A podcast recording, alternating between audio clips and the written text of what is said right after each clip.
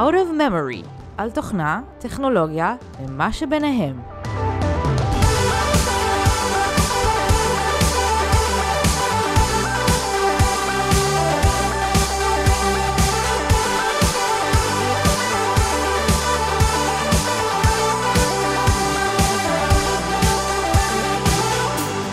ברוכים הבאים לפרק מספר 11 של Out of Memory. אני מיכה קאופמן. אני עופר זליג. והפרק הזה מוקדש לכל uh, תושבי כדור הארץ ששרדו את הקורונה ושומעים אותנו עדיין. אלה שעדיין שורדים. שלום לכל ארבעתכם. מה מצב הקורונה בארץ? אני יודע שבארץ נכון להיום, אה, היום אנחנו ב-17 לשלישי, ועד שהפרק יצא, ואני מקווה שמאוד מהר אה, דברים עדיין ישתנו, דברים משתנים מאוד מהר מיום ליום. כן, כל הזמן פה משתנים הכללים, אה, מחמירים מרגע לרגע. חלק מהאנשים חושבים שקצת מגזימים ולוקחים את זה כאיזה פרנויה לקצת הרחיקו לכת וחלק חושבים שזה באמת צעדים נדרשים ואפילו לא מספיקים. טוב, אנחנו העם היהודי תמיד היה עם פרנואידי קצת, לא? אה, כאילו האמא היהודייה ששולח, תלבש סוודר כשאתה יוצא החוצה שלא תצטנן. אז אה, חלק חלק מזה לא כן זה בכל העולם באוסטרליה אבל אה, יש יש שאננות מסוימת אוסטרליה לדעתי היא 14 יום מאחורי כולם מבחינת צעדי הסגירה למיניהם. ובוא נראה, שוב, הפרק הזה יצא עוד שבוע מהיום ככה, ונראה מי מאיתנו אוכל את הכובע, אה, לא יודע. אבל בפרק היום מה שרצינו לדבר מתקשר לנושא כמובן של אה, הקורונה, וזה יהיה פרק שנתמקד בו בהיבטים של אבטחה ושל פרטיות, ובוא נראה לאן זה, לאן זה יביא אותנו. יאללה, go for it. אז מה שיצא ממש ככה טרי היום, זה האיכון הסלולרי, בעצם התקנות לשעת חירום שהממשלה תיקנה, שמאפשרת עכשיו לשב"כ אה, לקבל נתוני איכון סלולריים של אזרחים וכל מידע שאפשר חוץ משיחות הטלפון עצמם. לדעתי מדובר בעיקר בנתוני איכון, זה מה שאפשר להוציא. לא של כל האזרחים, של אלו שהם אה, זוהו כחולי קורונה. כן. וכמובן אנשים רואים את זה לפחות חלקם כפגיעה רצינית בזכויות הפרט. ו... כן, בפרטיות כמובן, חוק אה, יסוד כבוד אדם וחירותו, חוקי פרטיות למיניהם. כן, האמת שגם מי שבעד החוק הזה לא טוען אחרת, הוא גם אומר שזה פגיעה קשה בפרטיות. רק שהוא אומר שאין ברירה. כן, נכון. עכשיו, רוב האנשים היום באמת בדעה שצריך לעשות את זה, זאת אומרת, אני לא שומע הרבה קולות ו... שוב, זה התחיל רק היום הדיון, זה כזה מאתמול להיום. לא שומע הרבה קולות שאומרים, אל תעשו את זה בכלל. אני כן uh, רואה הרבה דיונים באינטרנט, בכל הקבוצות שאנחנו משתתפים בהם, והמעגלים השונים של אנשי מקצוע, אנשי אבטחה וכדומה, שחרדים uh, שימוש יתר בדבר הזה, בשימוש אחרי הקורונה, כלומר בניצול המידע הזה לצרכים אחרים, זה ריגול שיישאר ולא יצא, זאת אומרת, once התחלת את זה, זה כבר יישאר וקבעת תקדים, אה, מה קורה אם המידע ידלוף? כן, תראה, אני, אני, קודם כל, אה, אני יכול להבין את האנשים שחוששים מדברים כאלה, כי כבר קרו דברים כאלה בעבר, שדלפו פרטי מידע שלא היו אמורים אה, לדלוף, שקשורים למאגרים כלל אזרחי ישראל. כן, קרה לא מזמן. קרה לא מזמן, כן. עם אלקטור שבטח נדבר עליו בהמשך. Mm-hmm. האמת היא שאולי לפני זה נגיד עופר עוד משהו אני חושב שבאופן כללי האפשרות ל...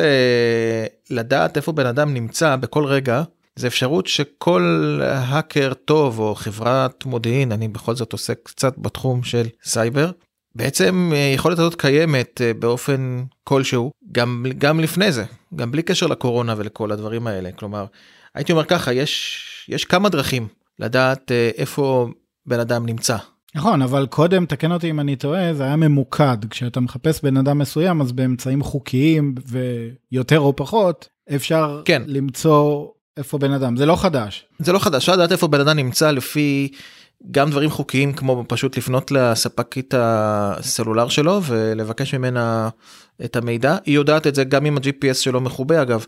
כי פשוט היא יודעת את זה על ידי זה שיש בדרך שתי אנטנות שמשדרות אליו ובהצלבה של שתיהם אפשר לדעת פחות או יותר איפה הוא נמצא לא ברמת דיוק של מטר אבל ברמת דיוק אה, מספיקה בשביל להבין פחות או יותר איפה הבן אדם נמצא. ואני יודע שאם יש אה, שלוש אנטנות אז בכלל הטריאנגולציה מאפשרת לך רזולוציה ממש ממש. נכון. בשלוש אנטנות בכלל אתה מגיע לדיוק ממש ממש גבוה בן אדם נמצא אבל יש דרכים גם שהן פחות חוקיות יש uh, כל מיני חברות שמתמחות למשל בסוסים טוריאנים כמו NSO. כן. שלא חברה של פייסבוק לאחרונה הן מתקוטטות. כן. אני לפעמים בדעה של אני מאחל הצלחה לכל הצדדים. כן אז יש להם את הסוס שלהם הפגסוס וכאלה שהם יכולים אה, לשתול אה, בידיעתך או שלא בידיעתך ולשלוף את כל הנתונים עליך כולל מיקום אבל יש דרכים גם נוספות יש את ה-SS7 SS7 זה מי שלא מכיר אה, פרוטוקול תקשורת שכל ספקיות הסלולר אגב גם הקוויות משתמשות בו כדי להעביר הודעות מאחת לשנייה וכבר ב2014 אני חושב מצאו פרצה מאוד רצינית שמאפשרת אה, לנצל את ה-SS7 בשביל לקבל הודעות שאנשים שולחים אחד לשני וגם בשביל לקבל location. ומ-2014 אף אחד לא טרח לסגור את זה כי זה ממש בעייתי לסגור את זה. SS7 היא מערכת פרוצה מהרבה בחינות אני לא אפתח פה רק סוגריים כי אני לא רוצה שנסיט את עצמנו יותר מדי מהדיון אבל אחד מהחסרונות זה אתה יכול לשלוח אס.אם.אס באיזה מספר שאתה רוצה. תחת איזה נכון. מספר שאתה רוצה נדמה לי שאפילו להתקשר לאנשים מאיזה מספר שאתה רוצה. זה עוד מייל אתה, אתה יכול לעשות הכל כמעט אבל אחד הדברים שאתה יכול לעשות זה גם לדעת מול לוקיישן. אני חושב שב-2016 יצא איזה מאמר שמישהו הדגים איך הוא משתלט על וואטסאפ. כן זה נוראי. וואטסאפ דרך פרצו, פרצות של SS7. אתה יכול למצוא את זה באינטרנט בקלות. אז כל הרשת הזאת של SS7 שאיתה בעצם חברות הסלולר מתקשרות אחת עם השנייה זה וואחד רשת פרוצה. ומי שרוצה לנצל את זה בשביל לדעת גם לוקיישן יש יש דרכים יש דרכים זה לא הדיון המרכזי שלנו היום אבל רק נגיד בהערת אגב שגם בלי קורונה וכאלה אם אתה מגיע לחברות uh, רציניות הן יכולות uh, לדעת איפה אתה נמצא כנראה. נכון אבל זה תמיד היה נקודתי זאת אומרת רוצים לעשות את זה על בן אדם מסוים כאן יש תקנות שמאפשרות לשב"כ לעשות את זה באופן גורף על המון אנשים. גם קודם השב"כ עשה את זה מול אה, אתה יודע בחקירות טרור. עכשיו זה מול הרבה אזרחים ובצורה די מסיבית. אז זהו, אז באמת היו כל מיני קולות. יש את אה, עורך דין מיכאל בירנהק, אני מקווה שאני הוגה את השם שלו נכון, שהוא פרופסור המשפטים באוניברסיטת תל אביב, אקטיביסט פרטיות ועוד. שעשה איזשהו שרשור אה, מאוד ארוך בטוויטר שבו הוא הסביר מה המסגרת המשפטית שאפשרה את זה והוא אומר אוקיי זה בסדר אנחנו מבינים שצריך הקורונה זה באמת מצב קטסטרופלי מצב חירום. חוקי הפרטיות וחוקי היסוד מאפשרים לפגוע בהם במידתיות אז כן יש פה מידתיות יש כאן לצורך הכרחי. משהו אבל אה, חולק זה הדרך שבה עשו את זה. הוא בעצם אה, מציע דרכים אחרות שהוא אומר חבל שלא שקלו אותם. למשל הדרך ההפוכה של אוקיי, היום משרד הבריאות עושה חקירות אפידמיולוגיות איפה נמצאו חולי קורונה, שיעביר את המידע הזה שנעשה בצורה ידנית אה, במרכאות, כלומר לא בצורה של איכון סלולרי, יעביר את זה לחברות הסלולר, וחברות הסלולר שיודעות גם ככה איפה כל מכשיר סלולר היה ויש להם את המידע הזה, זאת אומרת אנחנו לא מדברים פה על בניית מאגר מידע חדש, עם הסכנות שכרוכות בו. כן, כי זה מאגר שבמילא חברות הסלולר יודעות. כן, במילא יש להם, הם יוכלו לשלוח אס.אם.אסים או מה שזה לא יהיה לאנשים, גם מבחינת הפרטיות היא מאוד מוגבלת, זאת אומרת, הם שולחים למספרי טלפון, נכון שמאחור רשום להם מי הבעלים של הטלפון, אבל אין פה איזושהי חשיפה שמית. פשוט שולחים לטלפונים שהיו בסביבת אותו טלפון של חולה קורונה באותו זמן, התראה שהוא היה. כן, בעצם הוא אומר אל תקימו אל תקימו מאגר חדש שעוקב אחרי כל האנשים תשתמשו ת, תעשו הפוך אם יש בעיה אז תלכו רעיון נחמד אז תלכו ל...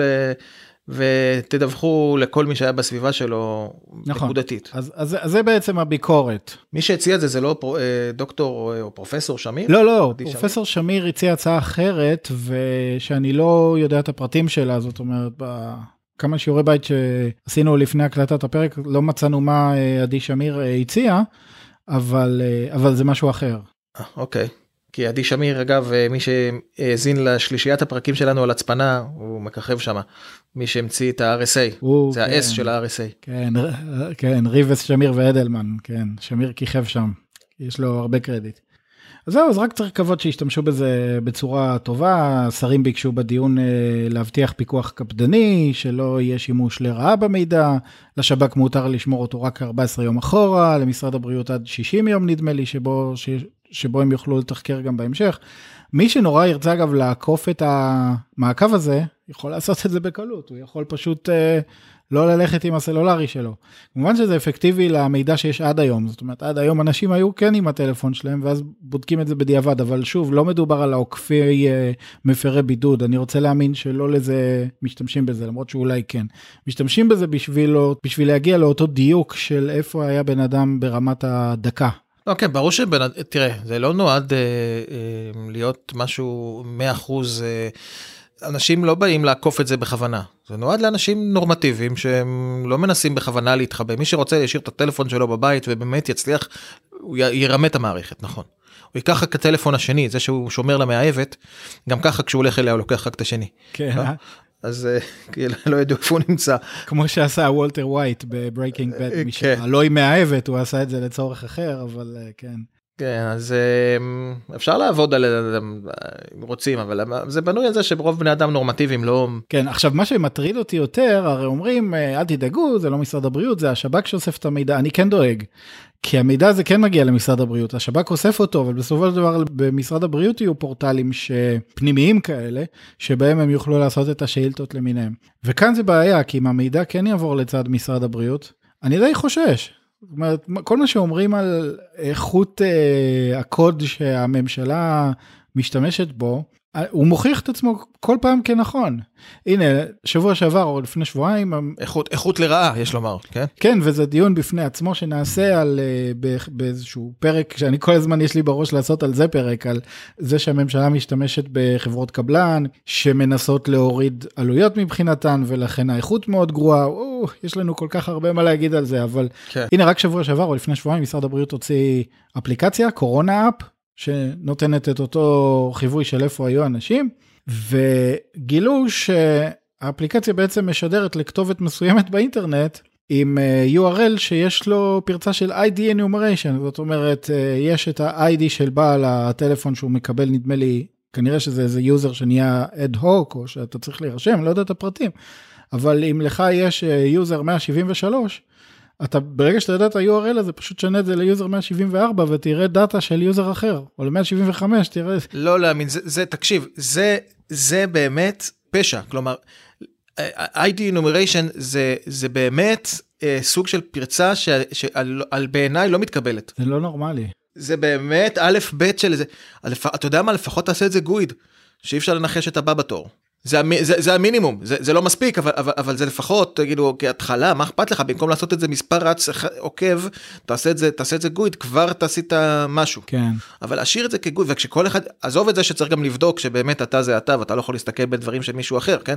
זה א' ב', אבל לפחות המינימום, זה באמת, מי שלא עושה את הדבר הזה, באמת, בעיניי זה, זה, זה פשע, כלומר, זה כבר לא טעות אה, שמתקבלת על הדעת. כן, הוא ברשימת ה-OWASP 10, אני לא יודע אם הוא עדיין ברשימה, אבל... אתה יודע, כל מתכנת שמכבד את עצמו צריך להכיר אותה, רשימה של הפרצות אבטחה הכי שכיחות, שכל כך לא בעיה לדאוג שהם לא יקרו, ברגע שאתה רק מודע לזה.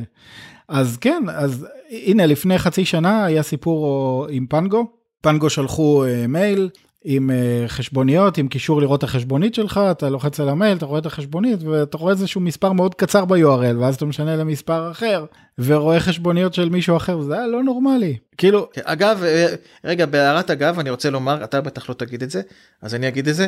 שעופר אתה אני חושב היית הראשון בארץ שגילה את כן. ההרצאה הזאתי רק אה, כן אני אני הייתי הראשון לא הוצאתי את זה החוצה כי רצינו להשתמש בזה לצורך איזושהי מערכת שמלמדת מתכנתים מאיזה פרצות להיזהר, אז ככה לא יצאנו עם זה החוצה, בדיעבד חבל כי זה נחשף בסוף על ידי... אה, על ידי מתכנת אחר. על ידי מישהו אחר. כן. וממש לפני יומיים שלושה קיבלתי מייל נוסף מפנגו עם פירוט חשבוניות, ואני לא בארץ בחודשים האחרונים, אבל uh, בסדר, הם עדיין שולחים את המייל, הפעם זה גויד. הפעם ה-URL הזה זה גויד. כן. אז אתה יודע, אתה אומר, מה, מה, מה, איך, איך עדיין עושים את זה? באמת נוראי. עכשיו, זה מביא אותנו למאגר הביומטרי, שאתה יודע, שחוששים גם ממנו, איך הממשלה תשמור על המידע הזה וכן הלאה, אבל אתה יודע, כבר מי, מי מדבר על זה עכשיו? יש לנו צרות הרבה יותר, הרבה יותר גדולות, אבל שוב, הכל, הכל מתקשר לזה.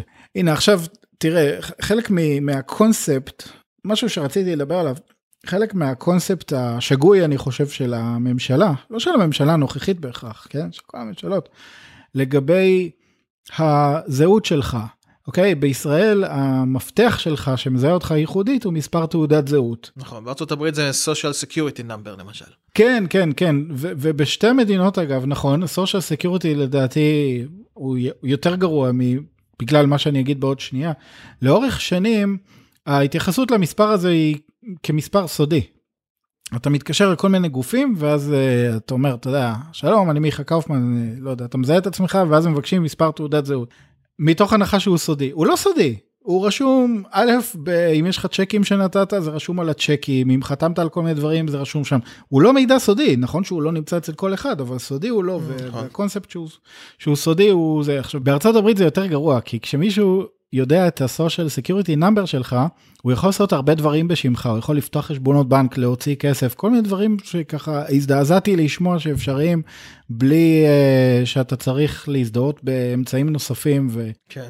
ו- ויש שם סיפורים נוראים, מי שירצה לשמוע את הפודקאסט פלנט מאני, שהוא באמת ממוקד ב- בעניינים כספיים, כלכליים של ארצות הברית, הם מדברים על זה הרבה, זה נוראי. אבל אם נתמקד רגע במה שקורה בארץ, אה, ובאוסטרליה המצב גם גרוע, אבל מבחינה אחרת. באוסטרליה אין לך מספר תעודת זהות. הזהות שלך היא השם שלך והכתובת. ואם אתה עובר דירה וואו איזה מידע סודי. נכון לא אבל זה המזהה שלך אין לך מספר חד חד ערכי שמזהה אותך. אם יש לך רישיון נהיגה אז מספר הרישיון נהיגה הוא ייחודי לך אבל אף אחד לא ישאל אותך מה המספר הזה ועוד פעם לא לכולם יש רישיון נהיגה אבל אבל שם וכתובת. אז ככה ככה ככה מזהים באוסטרליה אנשים לפי כתובת ושם?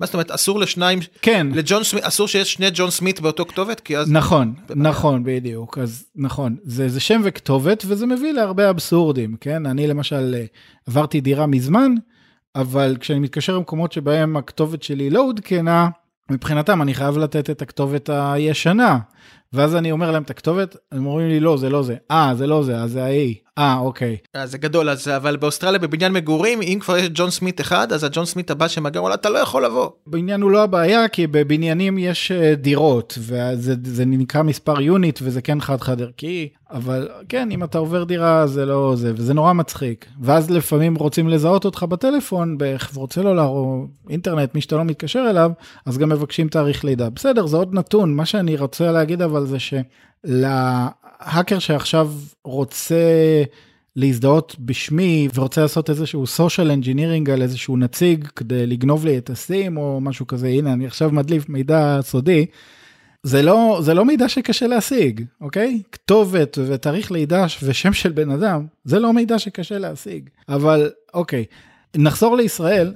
בישראל אז אמרתי זה המספר תעודת זהות. עכשיו יש את מרשם התושבים ומספר תעודת זהות הוא בעיה בפני, בפני עצמה. עכשיו יש את מרשם התושבים, שדלפקה ידוע ב-2006 עם האגרון, ומה שקרה עכשיו זה עם uh, לקטור, אז בואו רגע נרענן את הזיכרון מה קרה, כי אני אומר לרענן את הזיכרון כי כולם מכירים, אבל עכשיו ב- מהקורונה כבר uh, כנראה שכחו מה הסיר את המדינה עד לפני uh, פחות מחודש. כל מפלגה, סליחה, כל רשימה לכנסת מקבלת את מרשם התושבים כולו. אוקיי? גם אם אתה איזושהי רשימה קטנה, הצלחת להשיג לא יודע כמה אלפי חתימות ואתה רץ לכנסת, גם אם לא תעבור את אחוז החסימה, אתה מקבל את מרשם התושבים. כולו. המעודכן, סליחה, לא מרשם התושבים, אה, ספר הבוחרים. אוקיי? שזה בני 18 ומעלה. קצת שונה ממרשם התושבים כולו, אבל מספיק מקיף ורלוונטי נגיד למי שמעוניין בזה. עכשיו, הרשות להגנת הפרטיות, יש לה מסמך שבו היא אה, פירטה, ונדמה לי שגם אה, אה, חוק הבחירות, או אני לא זוכר איך קוראים לה, איך נקרא בדיוק החוק הזה ש, שמאגד את כל הזכויות והחובות של רשימות שרצות לכנסת, מטיל חובת שמירה של הדאטאבייס הזה, של מרשם התושבים על כל uh, רשימה שקיבלה אותו כדין. אה, אז זה מרגיע אותי, כי היה כתוב להם בסעיף כתוב 347 ג' שהם צריכים לשמור על זה. כן, עכשיו, טוב, טוב, טוב. כן, עכשיו הרשות להגנת הפרטיות, יש לה מסמך קצת יותר מפורט שמטיל חובות על רשימות ונותן להם הוראות מה לעשות אם הן משתמשות בצד שלישי, בחברת צד שלישי שתנהל להם את המידע, אוקיי? המפלגה או הרשימה צריכה לפקח על אותה חברת צד שלישי, היא אחראית אם תהיה דליפה, היא צריכה לבצע בדיקות אבטחה. עכשיו, מה היה עם הליכוד? הליכוד השתמש במערכת של אה, חברת אלקטור, כל הזמן אומרים אפליקציה, אבל אפליקציה זה רק ממשק אחד שלה, היה לה אתר אינטרנט, לה, יש מאחורי זה מערכת, אוקיי? והוא הכניס את מרשם התושבים לתוך מערכת אלקטור, אה, כדי להבהיר, אלקטור היא חברה פרטית, לא היה לה את מרשם התושבים קודם, הליכוד הכניס. הוא עשה את זה כי לליכוד יש את המרשם כמובן, כמו שאמרנו, באופן אה, חוקי, הוא קיבל את זה. את אה, מרשם, סליחה, את ספר הבוחרים, והוא הכניס את זה לאלקטור לצורכי שיווק, ואתה יודע, הדייג של בוחרים וכן הלאה. מה שקרה באלקטור היה נורא ואיום, אני כרגע בשלב העובדות עדיין, תכף נגיע לוויכוחים מי אשם. מה שקרה באלקטור, באתר אינטרנט שלה גילו שברגע שאתה עושה view source, קליק ימני על הדף, view source, אתה רואה לינק לדף שמציג לך שמות וסיסמאות של אדמינים של המערכת. עד כדי כך פשוט. אתה, נראה לי אפילו אתה לא צריך להגיע לשימוש במקלדת. אם אני לא טועה, זה ב-view source ראו איזה פנייה למתודה, משהו כמו get admins. או משהו כזה, get administrators. כן. שמי שפנה אליה פשוט ראה ברספונס את ה... את כל הרשימת האדמינים עם הסיסמאות שלהם או משהו כזה. כן, ואתה לא צריך אפילו, מה שנקרא, אתה לא צריך אפילו להשתמש במקלדת, הכל אתה מצליח עם העכבר. ו... ואז יש לך את הסיסמאות, ורן ברזיק ניסה להיכנס uh, עם אחת הסיסמאות, הצליח וזהו, שם הוא עזב, זאת אומרת, הוא לא ניסה לעשות נזק עם המערכת, זה גם אסור לפי החוק וכן הלאה, הוא דיווח. וזה היה שערורייתי ב... מהרבה סיבות. Uh, סיבה ראשונה, טוב, בוא נדבר בעצם עליהן, כי, כי הן חשובות. איך בכלל הגענו למצב, איך בכלל אלקטור הגיע למצב שלינק ליוזרים עם סיסמאות של אה, אדמינים נמצא וזמין באתר האינטרנט שלה.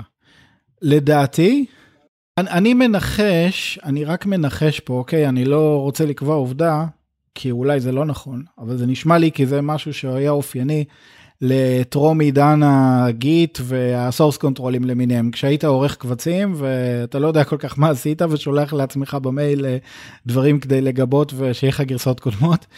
ואז אתה מעלה את זה באיזשהו FTP פרימיטיבי לאוויר ואתה לא ממש שולט במה יהיה ולמה אני אומר את זה כי גם אני היום כשאני מתכנת אני מכניס כל מיני יש את הקוד ה stable מה שנקרא בתוך ה Git ויש את הקוד שבו אני מכניס כל מיני uh, משפטים של uh, דיבוג, uh, עצירות של הדיבאגר, כל כן. מיני לוגים שאני רושם, אני משנה לפעמים איזושהי כתובת אימייל זמנית לכתובת אימייל שלי כדי לקבל משהו אליי.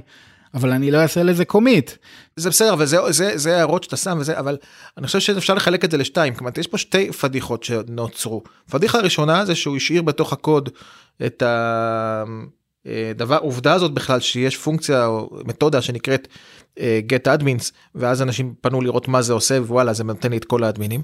והפדיחה השנייה זה שבכלל יש את המתודה הזאתי ואפשר לקרוא לה בלי שום הרשאה ולקבל תשובה גם נניח אם זה לא היה מוצג בתוך ה-view source. כן והיו אחרי זה עוד הרבה בעיות כמו זה שהם אמרו גם אם מישהו כבר נכנס למה הוא מקבל את כל המרשם למה אין איזשהו פילטור אתה יודע מערכת הרשאות. אבל מעבר לזה גם נחשף ב-view source שיש דבר, ש, ש, ש, הנה תקראו יש get admin. זה בעיה שנייה שזה נחשף בקוד, לדעתי זה הבעיה פחות חמורה. הבעיה היותר חמורה זה לא שזה שכחו את זה בקוד, את ההערה הזאת, הבעיה יותר חמורה שזה קיים בכלל. זה כמו שאתה מגיע לבית, אם אתה פורץ, וזה לא שאתה מוצא את המפתח מתחת לשטיח, אתה גם מוצא פתק על הדלת שאומר המפתח מתחת לשטיח. אז זה ההיבט הראשון. ההיבט השני הוא שלקטור התנהגה באופן מאוד מחפיר. בהתחלה היא אמרה היה משהו לכמה שניות וסגרנו אותו אחרי זה רן ברזיק הוכיח להם שזה לא היה כמה שניות זה היה כמה דקות או שעות. והם אמרו לא קרה כלום לא דלף כלום וזה אחרי זה יותר מאוחר הם הגיבו בטוויטר ורשמו ש... אה, שדלף אה, מידע מועט ואז אמרו להם אוקיי אז עכשיו אתם כבר מודים שדלף מידע אוקיי אז עכשיו זה רק ויכוח על המספרים ואגב סוף הסיפור זה שנכון לאתמול או שלשום הם מחקו את חשבון הטוויטר שלהם. וצחקו עליהם, אמרו להם, אמרו שרן ברזיק אה, לא עשה מעשה קולגיאלי בזה שהוא לא דיווח להם בזמן. הוא כן דיווח. לא, סליחה, בזה שהוא דיווח uh, לתקשורת, uh, בזה שהוא יצא לתקשורת, במקום להגיד להם, תראו, יש בעיה, תסגרו את זה. אז קודם כל, מה הבעיה בזה? זה בסדר להגיד לחברה וזה בסדר לקצור uh, קרדיט עיתונאי. אבל uh, מישהו אחר אמר להם, אני חושב עידו קינן, הוא אמר להם, אה, רן לא עשה את זה כי, כי הוא מתכנת. אתה מבין? והוא לא קולגה, ובזה הוא ככה הכניס להם. וכן, זה ממש ככה. עכשיו, הם חברה שבהתחלה התגאתה בזה שהמערכת שלה נכתבה בדם, ומאובטחת ומוקשחת, זה, זה פשוט נוראי מה שקרה, ונוראי איך שהם הגיבו לזה, במקום להתנצל וכן הלאה. ואני רוצה לדבר על חברות נוספות שהגיבו באותה צורה, אבל בעוד דקה אני אגיע לזה. אבל דילמה שכן צצה, זה מי אחראי למה שקרה. אז כמובן, אלקטור אחראית. עכשיו, הרבה באינטרנט האשימו את הליכוד, שהוא אחראי, אולי, לא יודע אם בלעדי, אבל אחראי מרכזי לזה. למה? כי הליכוד לא בדק את החברה, את אלקטור. הדעה שלי כאן היא מעורבת. אני לא חושב שה... אני לא מנסה להמעיט מאוד מאחריות הליכוד, אבל אני חושב שיש גם איזושהי אחריות מוגבלת שהמפלגה או כל אה, לקוח לא טכנולוגי של חברת תוכנה אה, יכולים לעשות בהקשר של בדיקת הספק תוכנה שלהם, ואני אסביר. קודם כל הליכוד כן אחראי, כי כמו שאמרתי קודם, אה, הוראות חוק הגנת הפרטיות, או הוראות חוק הבחירות, והרשות להגנת הסייבר, ש... שמנחות מפלגות מה לעשות ואיך לבדוק אבטחתית וטכנולוגית את הספק שלהם, זה כנראה הליכוד לא עשה. אוקיי? אה, ביקשו מהם תגובה, ביקשו לראות אינדיקציה אם הם עשו את זה ומה הם עשו. הם לא הגיבו או שהם אמרו שהם לא עשו. וזאת אה, איזושהי עצלות של הליכוד, נכון? אין לכם אנשים טכניים, אתם פוליטיקאים, אתם אנשי שטח, אני מבין. אבל תיקחו ותשלמו לאנשים הטכניים שיבדקו, אתם לא יכולים לקחת מערכת ולהמשיך לעבוד איתה ולהתחיל לעבוד איתה כאילו כלום. ביבי אחר כך גם אה, המשיך לעודד את אלקטור ואמר, והמשיך לעודד את הפעילים שלו להשתמש בה גם אחרי שכל הדבר הזה פרץ אה, ונחשף לציבור, שזה קצת מוזר, אבל אני אומר, האחריות של הליכוד פה היא מוגבלת קצת, כי מה שקרה עם אלקטור הוא משהו שלא היית מוצא בכל מיני בדיקות אבטחה ו... וחדירה בהכרח בהתחלה. מה שהם עשו עם אותו URL של, אה, של יוזרים וסיסמאות, כמו שאתה אמרת, עצם זה שהיה קיים דף כזה שחושף את זה, ועצם זה שהיה את הלינק ב-HTML, שיכלת לראות את זה בקלות מהדפדפן, זה משהו שיכול מאוד להיות שהיו בודקים את זה מראש, וזה לא היה שם, וזה השתרבב אחר כך. כמו התיאוריה שהעליתי, שאם הם לא משתמשים באיזשהו source control, מישהו הכניס את זה לקוד תוך כדי, תוך כדי uh, דיבוג, ואז זה העלה את זה לאוויר בלי, בלי לשים לב, כי כשאני מעלה קוד בגיט, אתה יודע, אני, אני, לפני שאני עושה commit, אני רואה את השורות הבודדות ששיניתי, ואני שם לב אם הכנסתי משהו שהוא רק לדיבוג, ואני דואג לא לעשות לו commit, והוא לא עולה אחר כך ל production. טוב, זה, זה, זה בהנחה לא ידועה ש, שהדבר הזה נכנס אחרי שסיימו לעשות את uh, בדיקות ה-security למיניהם. אולי, יכול להיות, יכול להיות שזה נכנס אחרי הבדיקות. אבל גם לדעתי, גם אם זה היה לפני הבדיקות, לא בטוח שהיו עולים על זה, כי בבדיקות הסטנדרטיות של uh, uh, חולשות אבטחה, אני לא חושב שמסתכלים על הערות בקוד ואם יש שם מישהו שכח פתק עם uh, דברים כאלה. לא הם לא יכולים הם עושים uh, לא עושים בדיקות של קוד המקור בוא. לא על, לפי מה שאני מכיר אין בדיקות על הערות. לא לא רק על הערות גם לא בודקים את, את קוד המוצר. כן. זאת אומרת view source יעשו כניסה לפורטים אה, בדיקה שכל מיני דברים לא, לא חשופים בכלל או אם הם חשופים אין להם סיסמאות קלות. ושמפתחות ההצפנה שמורים כמו שצריך ועוד הרבה הרבה דברים, אבל דווקא לא uh, צפייה בקוד המקור עצמו. יש כאלה שעושים את זה, אני יודע שהצבא עושה את זה עם כל מיני מערכות שהוא משתמש בהן, קוראים לזה הלבנה, שמסתכלים על קוד המקור בצורה מאוד ככה מפוקחת, אבל זאת לא הציפייה, אני, אני טוען אבל שמה שקרה פה... בוא, בוא אני אגיד לך שרוב מערכות ההלבנה הן מערכות אוטומטיות ולא...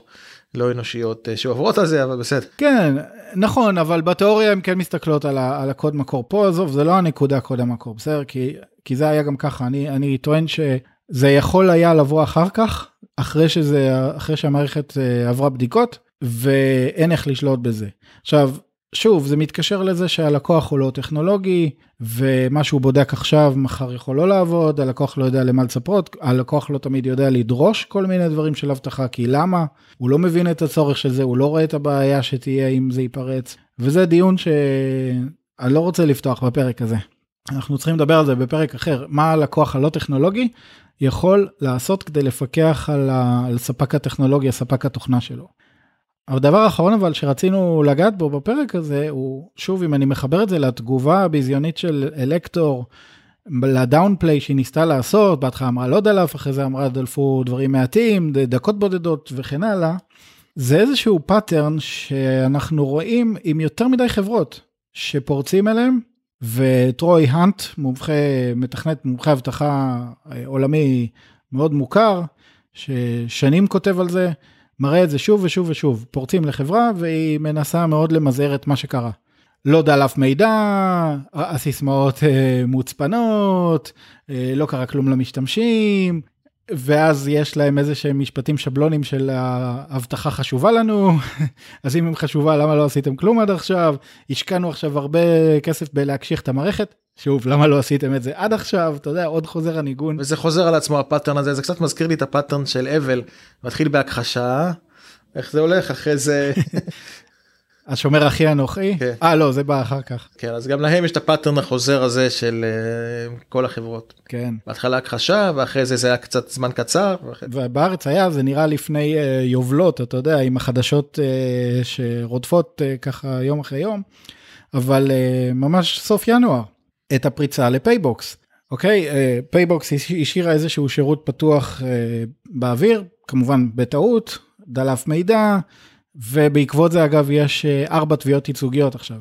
ארבע שמן הסתם יאוחדו לאחת. התביעות הן לפי חוק הגנת הפרטיות ועשיית עושר שלא במשפט וכל מיני דברים מעניינים. אבל פייבוקס בהתחלה אמרה לא דלף מידע או דלף מעט או לא דלפו דברים שפוגעים אה, כספית באנשים מה שלא היה נכון עובדתית. כי אחד הפרטים שדלפו היה ארבע ספרות אחרונות של כרטיס אשראי, ויחד עם עוד דברים ש... שדלפו ויש עליך, בקלות אפשר לעשות social engineering ולהשיג מידע עליך. אז אם אתם יודעים שזה דלף, למה אתם אומרים ש... למה אתם אומרים שלא? בהחלט אפשר לעשות עם זה הרבה דברים עם הארבע ספרות האחרונות. מלא אנשים אפשר להתקשר ולהגיד ללקוח, תשמע, מדברים מחברת לא יודע, x, y, z, יש לנו פה כרטיס אשראי שלך, הנה אנחנו מספרים לך, הנה ארבע ספרות האחרונות, חסר לנו רק איזה משהו בהתחלה ו... והוא ישלים. כי הוא, יוסמך, הוא סומך על הבן אדם שמדבר איתו, כי הנה עובדה הוא יודע את הארבע ספרות, אז כנראה באמת זה הוכחה שהוא מקופת חולים או לא יודע. כן, וכולם כעסו על זה שפייבוקס לא... שזה שפייבוקס הגדיר את זה כמידע שלא פוגע בך כספית, או לא זוכר איך הם ניסחו את זה. כן, אבל הנה זה מתחיל בהכחשה, עובר לזה לא, לא רציני. ואז מה השלב, מה, מה השלב השלישי? אין, אין כל כך שלב שלישי, כי כאילו מה שקורה אחרי שהם מתנצלים, במקרה הטוב החברה מתנצלת, היא די רוצה להוריד את זה מסדר היום. זאת אומרת, לא תשמע חברה כמעט, כמעט, שאחרי כמה שבועות, אוקיי? שהם כבר תחקרו את הפרצה, ולמה היא קרתה, ואיך הם עושים שהיא לא תקרה, תצא לתקשורת ותודיע מה היא בדקה ומה היא עשתה. יש חברות מעטות שעשו את זה, הרוב נראה שהן לא עושות את זה. אז, אז יש שלב שלישי, שלב ראשון הכחשה, שלב שני המעטה, זה לא רציני, לא הרבה דלף, זה לא אפשר לעשות עם זה כלום, זה רק כמה דקות, זה זה. שלב שלישי זה, זה פרסום עצמי, אנחנו משקיעים הרבה באבטחה אה, וכולי וכולי, כל מיני להאדרה עצמית, לנצל את האירוע גם להכניס פרסומת עצמית. שלב רביעי זה להודיע לכולם, אנחנו נתחקר את זה וניתן מסקנות, שכמובן אף פעם לא יגיעו, כן, כמעט אף פעם. כמעט אף פעם לא יגיעו, אבל להגיד אנחנו נתחקר וניתן תשובות לציבור. זה השלב הרביעי בתהליך, וזה בדיוק מה שקרה גם בפייבוקס, לא? כן, אז בפייבוקס הם לא אמרו הרבה מעבר. יש, אה, יש אה, בלוג של אביב רונן שכתב וניסה לרדוף אחריהם עם תשובות מעבר והוא לא קיבל תשובות, הוא ממש פירט על הפניות שהוא פנה אליהם ועל התשובות שהוא לא קיבל, גם על למה אמרתם שהארבע ספרות הם לא מידע רגיש והם כן, ועוד ועוד ועוד, למה דיווחתם על זה באיחור לבורסה? אני שלחתי להם כמה שאלות מאוד מאוד ספציפיות, והם אה, אמרו לי שהם יענו ברגע שהם אה, יוכלו, שהם הם אמרו לי שזה עבר לדוברות, ואחר כך שהם לא יכולים בשלב זה להשיב על השאלות שלי. זה היה בשני לפברואר, מאז לא שמעתי מהם, ושאלתי אותם שאלות ספציפיות מאוד. איך התרחשה הפריצה או דליפת המידע, אוקיי? ברמה הטכנית. זה היה שרת מסוים שפתוח לעולם ללא סיסמה, זה היה באג באפליקציה, זה היה תקלת קינפוג של הרשת, מה זה היה? איך זה נודע לכם? זיהיתם את זה בעצמכם? או שמישהו עיתונאי או ווייט האט האקר אמר לכם?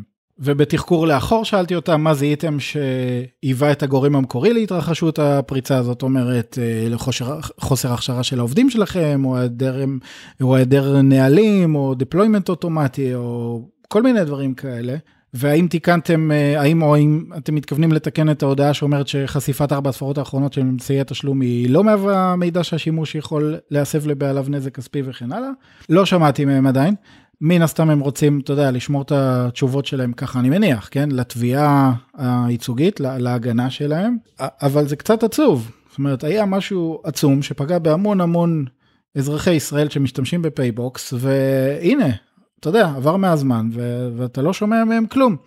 מצטרף לזה דליפה של 100 מיליון אה, פרטי משתמשים ב Quora לפני שנה וחצי משהו כזה, שאחרי ש Quora הציע איזשהו אה, blog post מאוד שקוף כביכול, שזה קרה, אגב, לא מצאתי את המילה sorry ב blog post הזה, אבל uh, הייתה פרצה, third party gained unauthorized access וכולי וכולי, אנחנו מקשיחים את החשבונות, משנים סיסמאות, uh, לא דלף הרבה מידע, לא יודע מה, אנחנו הולכים לעשות ככה, אנחנו הולכים לעשות ככה, ואנחנו, ואנחנו נעדכן אתכם. עכשיו, הם לא עדכנו מאז, כאילו ברמה של אין, אין, נעלם, נעלם, נעלם, כמה שתחפש את זה, אין מאז, אותם, אותם שלבים, אין עדכון שלהם, אנשים שאלו את השאלה, אגב בקוורה עצמו, באתר קוורה עצמו, מה קרה עם הפרצה, מה הם עשו, והם לא זה. כדי לתת כן קרדיט לחברות שכן עשו את זה, אז למשל חברת אימפרווה, שהיא חברה שעושה Web Application Firewall, מקביל ל-Cloudflare למי ששמע, שדיברנו עליה בכמה מהפרקים הקודמים שלנו, לה היה דליפת מידע. והיא כן יצאה בפלו-אפ של כמה שבועות אה, אחרי, מהמנכ"ל, שממש הם פירטו מה קרה, למה זה קרה, איך זה קרה, אה, מה הם עשו כדי שזה שוב פעם, וזה בסדר גמור, כי אתה יודע, תקלות קורות, במקרה שלהם זה לא היה... אז זה, זה, זה היוצא מן הכלל ש... כן, זה, זה באמת יוצא, זה באמת יוצא מהכלל. אגב, הפרצה שהייתה להם הייתה, כלומר לא הייתה צריכה לקרות, אבל היא לא רשלנות פושעת כמו במקרה של לקטור, היא, היא משהו אחר, אני לא אכנס כרגע לפרטים, אבל זה יפה שהם... אה, זה יפה שהם אה, באו וגם אחר כך, אחרי שכביכול אנשים שכחו, באו, ו... באו ועדכנו. יש גם את Cloudflare uh, עצמם, אמנם זה לא הייתה פרצת אבטחה, זה היה סתם נפילה של האינטרנט, והם היו בסדר שהם הבטיחו. כן, דיברנו על זה הרבה. הבטיחו לתת uh, תשובות. ובאמת נתנו תשובות אחרי תקופת של חקירה וסיפ... מאוד מאוד מפורטות וטכניות. כן, בדיוק מה הייתה התקלה, במה הם נפלו, איך הם לא יפלו בזה שוב, אה, אבל זה באמת הנדיר. אבל ה pattern שדיברנו עליו זה אחד הכחשה, לא פרצו אלינו, לא זה, הכל בסדר. שתיים, להפוך את זה למשהו מינימלי וזה לא נורא, נכון שפרצו אבל אפשר לעשות עם זה הרבה דברים, זה שטויות. שלוש, זה לעשות פרסומת עצמית, אנחנו מאוד מקפידים על אבטחה, משקיעים בזה המון. ארבע, זה להבטיח תשובות אחרי מחקר מעמיק לציבור שאף פעם לא יגיעו כי לא מפרסמים אותם אף פעם. נכון מאוד. לקינוח אני רק רוצה לומר שהתביעות הייצוגיות שהוגשו נגד פייבוקס, uh, שהם ארבע תביעות שכנראה כמו שאמרתי יאוחדו לאחת, יש בהם איזשהו יתרון מאוד מעניין, אה, רווח מאוד מעניין לנו בשוק, ואני לא מדבר על הכסף, אוקיי? לא יודע מה ייסגר איתם מבחינה כספית ולטובים, הייצוגיים. אבל יש כאן משהו מאוד מעניין שאני גם רשמתי עליו, שגם כתבתי עליו בפייסבוק. היום להרבה חברות אין incentive להשקיע באבטחה, אוקיי? יש את האנשים הלא טכניים, יש את האנשים הטכניים, המנהל הלא טכני לא רוצה להשקיע הרבה כסף באבטחה. זאת אומרת, הוא יקווה שהמתכנתים שלו בסדר, הוא לא ישלח אותם לקורסים של אבטחה. אני, אני יודע שאני מכליל והרבה כן עושים את זה, אז אני לא באמת רוצה אה, לעשות עוול עם אלה שכן עושים את זה. אני אדבר על אותן חברות שכן יש אצלם פרצות. כי למה שהוא ישקיע באבטחה? הוא רואה שזה עולה לו והוא לא רואה מה הבנפיט, אוקיי? לחברה יש אה, מוקדי רווח, שזה אנשי המכירות שלה, ויש לה מוקדי עלות, שזה HR ואדמיניסטרציה, והמתכנתים אפילו הם מוקדי עלות, כי לא כל כך מהר רואים את הרווח שלהם, אבל ברור שצריך אותם. החברה לא יכולה לפעול בלעדיהם. והאבטחה היא איזשהו מוקד עלות שלא רק שאתה מוציא את הכסף, אתה גם לא רואה אותו חזרה. אה, תחשוב, איפה תראה את הכסף שהשקעת באבטחה ולא פרצו לך, אתה מבין? אתה, אתה לא תראה את מה שאין.